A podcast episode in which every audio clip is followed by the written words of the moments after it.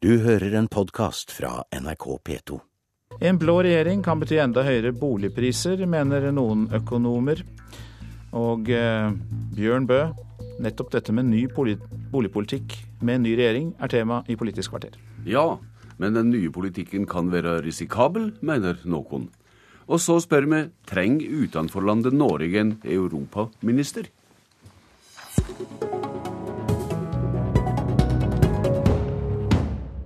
I dag har vi hørt advaringer fra økonomer om at høyresidas bostadpolitikk kan føre til økt prispress på boligmarkedet. Mellom annet gjelder det framlegg om å minke kravet til egenkapital for å få bostadlån.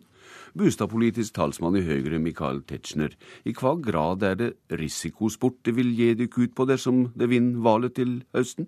Den største risikoen for videre prisstigning er at man ikke får en boligproduksjon som er stor nok.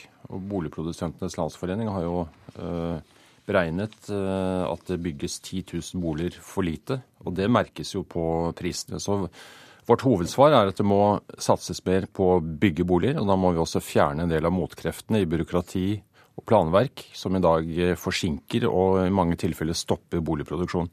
Når det så gjelder egenkapitalkravet, så jeg er ikke sikker på om eh, økonomene har fått seg forelagt at eh, Høyre eh, også ønsker å stimulere til naturlig egenkapitaldannelse, altså sparing gjennom eh, boligspareordningen for ungdom.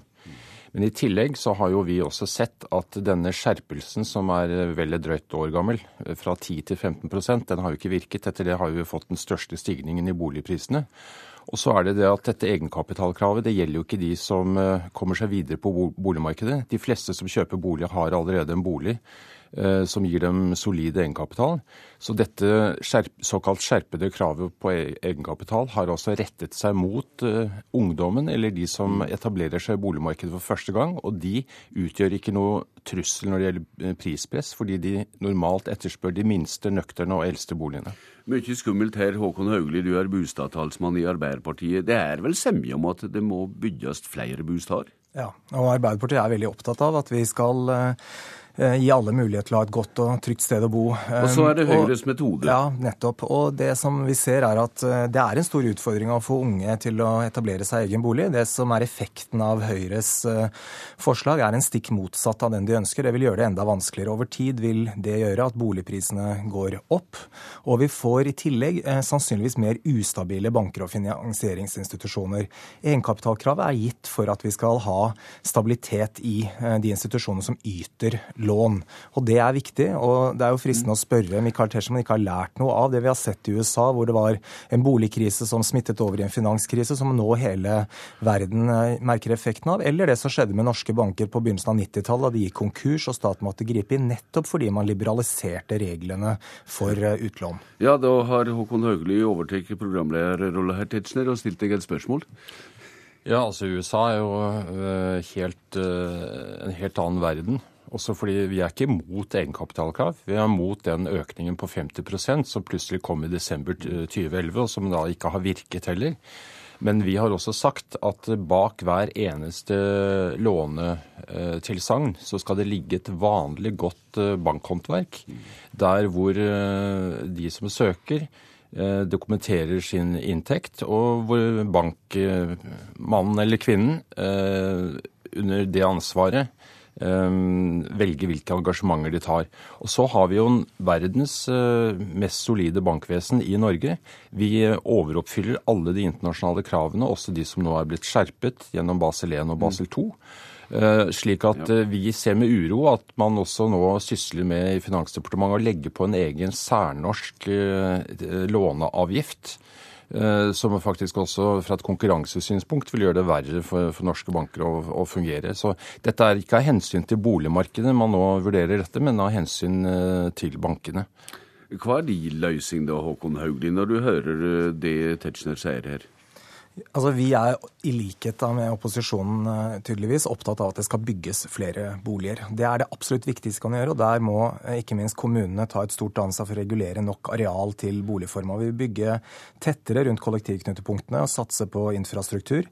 Men i tillegg mener vi det er riktig at det offentlige har et engasjement i boligpolitikken. Vi vil at Husbanken skal ha en aktiv rolle. Vi har i denne regjeringen økt Husbankens låneramme. Vi har tredoblet bygging av studentboliger fra den forrige regjeringen. og det er viktig at vi fortsetter den utvikling hvor det er et samspill mellom eh, det offentlige og de private. Der oppfatter jeg det er en stor eh, forskjell på de politiske partiene, og Høyre har en veldig ensidig tro på at markedet ordner opp i dette selv. Det mener jeg vi ser at det gjør det ikke. Er det markedet du snakker om, Tetzschner, når du eh, vil liberalisere visse regler her? Ja, altså Vi har jo stor tro på markedet. Men så hemmes jo en naturlig boligproduksjon av at statene har eh, utstyrt seg med 22 eh, institusjoner, altså statlige instanser, som eh, kan si nei til boligbygging. Og de går langt lenger enn hjemmelen i plan- og bygningsloven. Og Der uh, har jo til og med også landets miljøvernminister sendt ut stoppordre uh, nettopp for å presse frem andre løsninger enn de man finner lokalt. Og Dessuten så er, det, jeg er helt enig med med Hauglie at det også er en jobb å gjøre i det enkelte kommunestyret. og Der er det fint hvis han kunne meddele det til Arbeiderpartiet i Oslo, som vanligvis stemmer for lavere boligtall enn det byrådet foreslår. Eh, Tetzschner Hauglie forstår ikke at det reiser lempe på egenkapitalkravet som valgkampsak. Hvor god er den som valgkampsak, etter ditt syn? Nei, det er en del. Altså, vi, vi har jo en bred eh, tilnærming til boligspørsmål. og Det viktigste er å få bygget nok eh, boliger. Og da å, å, å presse f.eks. nyetablerte ut av den køen ved å nekte dem lån, det er ikke å løse problemet. Det er å skyve disse, denne etterspørselen under jorden. Og det er ikke noen offensiv boligpolitikk. Eh, Hauglie, hvor eh, viktig mener du boligpolitikk blir i valgkampen? og hvor lett er det å synliggjøre her? Jeg tror det er en veldig viktig sak. Det angår veldig mange mennesker. Faktisk alle trenger et sted eh, å bo. Eh, jeg tror det er krevende å synliggjøre politiske forskjeller, for vi krangler om virkelighetsforståelsen. Nå mener eh, Michael Tetzschner at Arbeiderpartiet stemmer mot boligprosjekter i Oslo. Kunne, det er fristende å kontre med eksempler fra Bærum, hvor Høyre har bremsene på. Jeg tror vi må ut av den type ordskifte over i en felles forståelse av at vi må få bygd flere boliger, og diskutere virkemidler som faktisk virker. Når det gjelder dette med å nekte lån, altså egenkapitalkravet innebærer ikke at noen blir nektet lån. Tvert imot. Det, det betyr at det stilles et krav om en moderat spareelement for folk som kan oppta lån. Det mener jeg faktisk er fornuftig, og det er vi villige til å eh, forsvare. og Samtidig må vi kompensere med andre tiltak, bl.a. gjennom Husbanken.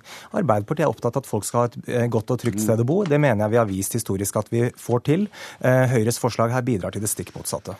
Det er jo klart at Økningen av egenkapitalkravet med 50% fra en uke til den neste fører til at folk får avslag. Men det er der vi har sagt det er viktigere at bank, banken tar stilling til hvilken inntjening f.eks. et par som skal etablere seg i bolig for første gang, har, enn deres sparehistorikk. I tillegg til dette så har vi BSU-ordninger som nettopp skal stimulere til naturlig oppsparing på forhånd. Det er Finanstilsynet. Jeg forstår ikke Michael Tetzschner, hva Høyre vet som ikke Finanstilsynet vet. Takk til dere i denne omgang. Valget er i september.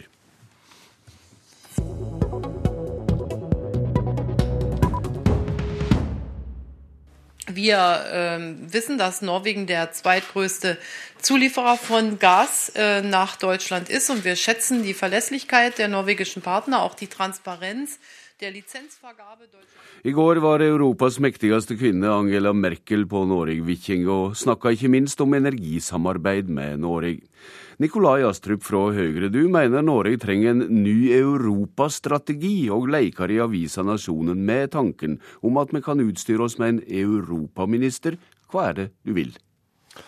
Vel, eh, Det viktigste for meg er at vi har en europastrategi som eh, erkjenner at eh, europapolitikken både er like mye innenrikspolitikk som utenrikspolitikk, og at vi har en bedre koordinering av vår, vårt europaarbeid enn det vi har i dag.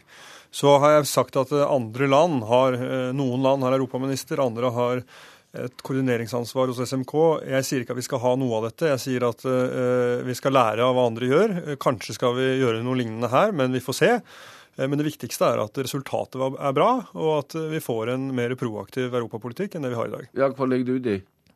Nei, Det betyr at vi må tidligere på banen. Regjeringen har jo lansert en stortingsmelding der de sier at de skal bruke handlingsrommet i våre avtaler med EU, og det er jeg helt enig i, men det må innebære noe mer enn å si nei. Et bussord, har du kalla det? Ja, og det, og må det må innebære noe mer enn å si nei til det alle andre er enige om å si ja til, noen år etter at de andre har sagt ja til det. Leder i Senterpartiet og kommunalminister Liv Signe Navarsete, hvor gode er Astrups europapoeng? Jeg syns nok at det forslaget om en såkalt EU-minister er et pussig forslag. Eh, at vi skal ha en minister for en union vi ikke er medlem i. Det ville jo kanskje vært mer naturlig med en EØS-minister, da. For vi har vel, har vel ikke tenkt å foreslå en minister for de amerikanske delstatene, går jeg ut ifra. Vi samhandler ganske mye med dem òg, men langt mindre enn vi gjør med EU. Det denne regjeringen har gjort, som Høyre ikke gjorde, det er at vi har ivaretatt norske interesser på en langt bedre måte gjennom å nytte det handlingsrommet som er i EØS-avtalen. Eh, Høyre prøver å framstille det som om vi er en integrert medlem av EU. Det er vi jo ikke. Eh, I perioden 2000-2009 eh, så var det over 47 000 lovendringer innen EU-systemet. Ca. 3000 var tatt inn i EØS. Det kan være altfor mye. Men det viktige denne regjeringen har gjort, er at vi har vært i forkant av prosesser Eh, vi har tatt opp eh, saker som Høyre hadde lagt an til å tape, f.eks. heimfallsrett, differensiert arbeidsgiveravgift. Stått opp for norske interesser. og det er jo ikke hvorvidt en skal ha en EU-minister noe som betyr noe. Det er på en måte en avsporing av debatten. Det som betyr, det er hvordan en ivaretar norske interesser. Og der ja. mener jeg denne regjeringen har gjort en langt bedre jobb enn det Høyre gjorde i sin tid, og det de kommer til å gjøre. For de er altfor opptatt av å integrere oss mest mulig i EU-systemet. Så når du snakker om å utnytte handlingsrommet innenfor EØS-avtalen, så er det en annen form for utnytting av handlingsrommet enn det Astrup står for?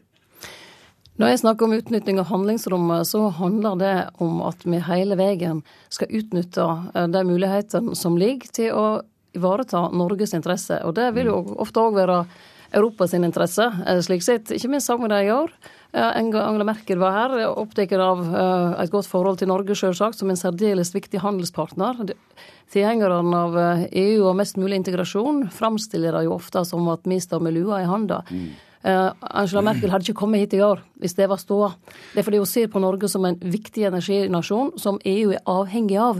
Uh, og det er selvsagt slik at vi skal ha et godt forhold da både til hun og resten av EU-systemet, men vi skal hele veien ha den norske interessen for øye, og ikke utvide EØS-avtalen til å gjelde flere områder enn det den allerede gjør i dag. Astrup, ditt mål er som før norsk medlemskap i EU, men til så lenge er det uaktuelt. og Så vil du da oppføre deg konstruktivt og ikke krangle ut i møte med europeiske granner, skriver du. Er det graden av kranglelyst som skil mellom tilnærminga hjå deg og Navarsete, etter ditt syn? Jeg tror eh, Det vi har sett fra regjeringen, er jo at de er veldig flinke til å eh, finne kall det symbolsaker som, eh, som ikke bidrar til et konstruktivt forhold med våre europeiske naboer. Toll på hortensia, ost og biff osv. er eksempler på det. Eh, jeg mener at vi må legge det til side, og så må vi isteden se på hvordan vi kan i en tidlig fase medvirke i EUs beslutningsprosesser. Ja, Det er jo det Navarsete ser hun driver med. Ja, men du vet, av 182 utenlandsreiser som norske statsråder gjorde i 2011, så gikk 16 til Brussel. Eh, det har NRK dokumentert.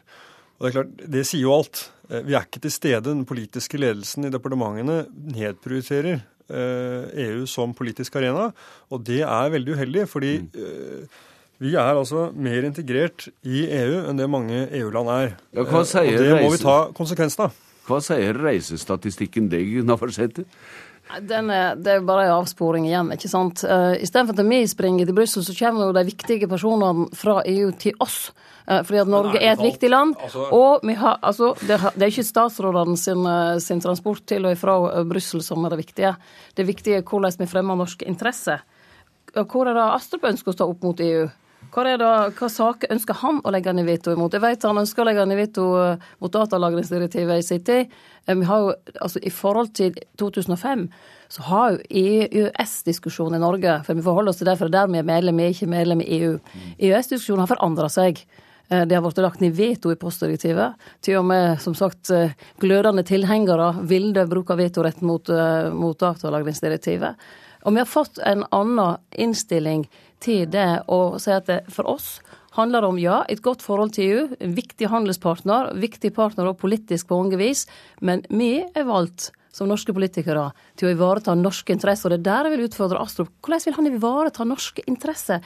Når vil han stå opp mot det som uh, han mener er forslag fra kommisjonen som uh, vil påvirke Norge negativt? For vi ser jo noen sånne forslag, og Høyre er, er altfor jo... tilbakelent på dem. De tar imot alt som kommer, og det er det de vil gjøre òg en ny regjering. De vil ikke stå opp ja, Strup, her, her, har du utfordringer for en ny europapolitikk som du vil ha. Ja, takk for at du lot meg slippe til rett før vi nå er ferdige. Men eh, eh, la meg si at dette illustrerer jo så godt hva jeg mener. fordi det Navarsete snakker om, det er hvor vi skal nedlegge veto. Og det er altså mange år etter at EU har fattet sine beslutninger. Jeg mener vi må komme på banen mye tidligere og se på hvilke muligheter Norge har, f.eks. innenfor energiområdet. Nå er det sånn at EU ser på EUs eh, e fremtidige energisystem er i støpeskjeen. Mm. Eh, det kommer en pakke med klima- og energimål for 2030 mm. som kommer til å ha stor konsekvens for norsk industri, for norsk gasseksport, for kraftutveksling med Europa. Her må Norge kjenne sin besøkelsestid og være på banen og utnytte det mulighetsrommet som er, og ikke bare, og ikke bare fokusere på hva man skal si nei til. Men vi venter på en ny europapolitikk, så må vi avslutte her, for Politisk kvarter er slutt. Jeg heter Bjørn Bø. Du har hørt en podkast fra NRK P2.